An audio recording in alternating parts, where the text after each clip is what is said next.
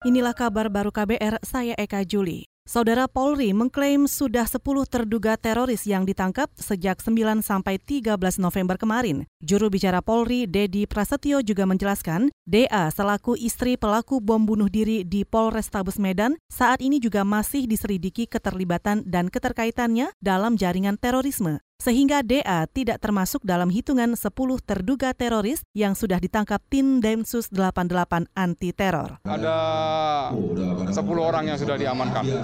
Ya, jadi lima orang ada di mana? Ada di uh, Riau, kemudian satu orang di Bekasi, kemudian tiga orang di Banten, satu orang di Jawa Tengah. Ya, itu di luar yang istri pelaku yang ada di Medan. Di Medan. Juru bicara Polri, Dedi Prasetyo menambahkan tim Densus 88 anti teror akan terus menyelidiki jaringan-jaringan teroris sebagai langkah pencegahan aksi terorisme di Indonesia. Selain itu, Badan Nasional Penanggulangan Terorisme atau BNPT, kepolisian, dan kementerian terkait juga melaksanakan program deradikalisasi.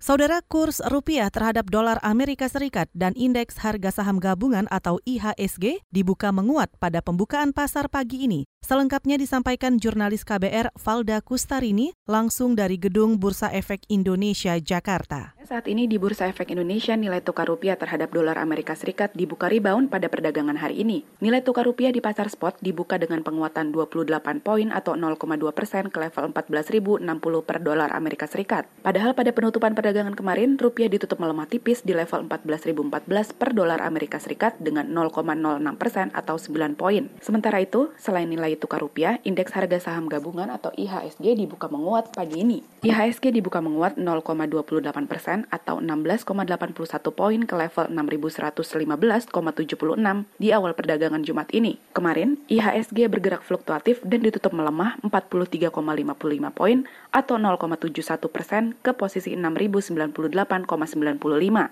Dari Bursa Efek Indonesia Sudirman Jakarta, Valda Kustarini, KBR. Saudara Badan Pengelola Transportasi Jabodetabek atau BPTJ akan menerapkan sistem jalan berbayar elektronik atau ERP mulai tahun depan. ERP merupakan sistem untuk membatasi kendaraan bermotor yang melintas di sejumlah jalan protokol dengan membebankan kompensasi atau pembayaran. Kepala Badan Pengelola Transportasi Jabodetabek Bambang Prihartono menyatakan, kajian hukum dan regulasi untuk penerapan sistem ini sedang disiapkan. Nantinya ERP akan menggantikan aturan ganjil genap yang selama ini diterapkan. Bayangin ganjil genap ini banyak kelemahannya Pak. Nah, apa ke depan? Ke depan kita akan melaksanakan yang disebut dengan namanya electronic road pricing, ERP.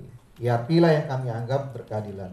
Oleh karena itu, kami akan bekerjasama dengan Pemprov DKI untuk melaksanakan ERP dalam rangka push policy. Kalau nggak gitu orang nggak pindah pak angkutan umum. Kepala Badan Pengelola Transportasi Jabodetabek atau BPTJ Bambang Prihartono menambahkan, peta jalan untuk penerapan sistem jalan berbayar elektronik atau ERP sedang disiapkan. Koordinasi dengan pemerintah daerah juga dilakukan karena ERP sudah tentu berkaitan dengan pemungutan retribusi.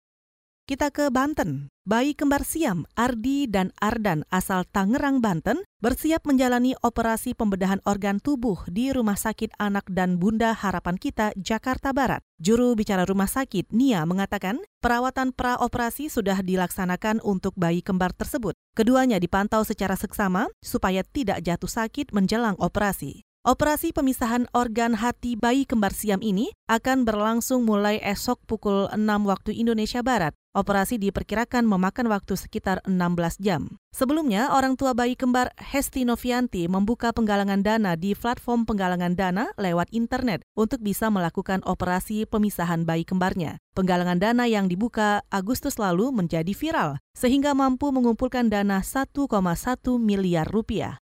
Saudara demikian kabar baru, saya Eka Juli.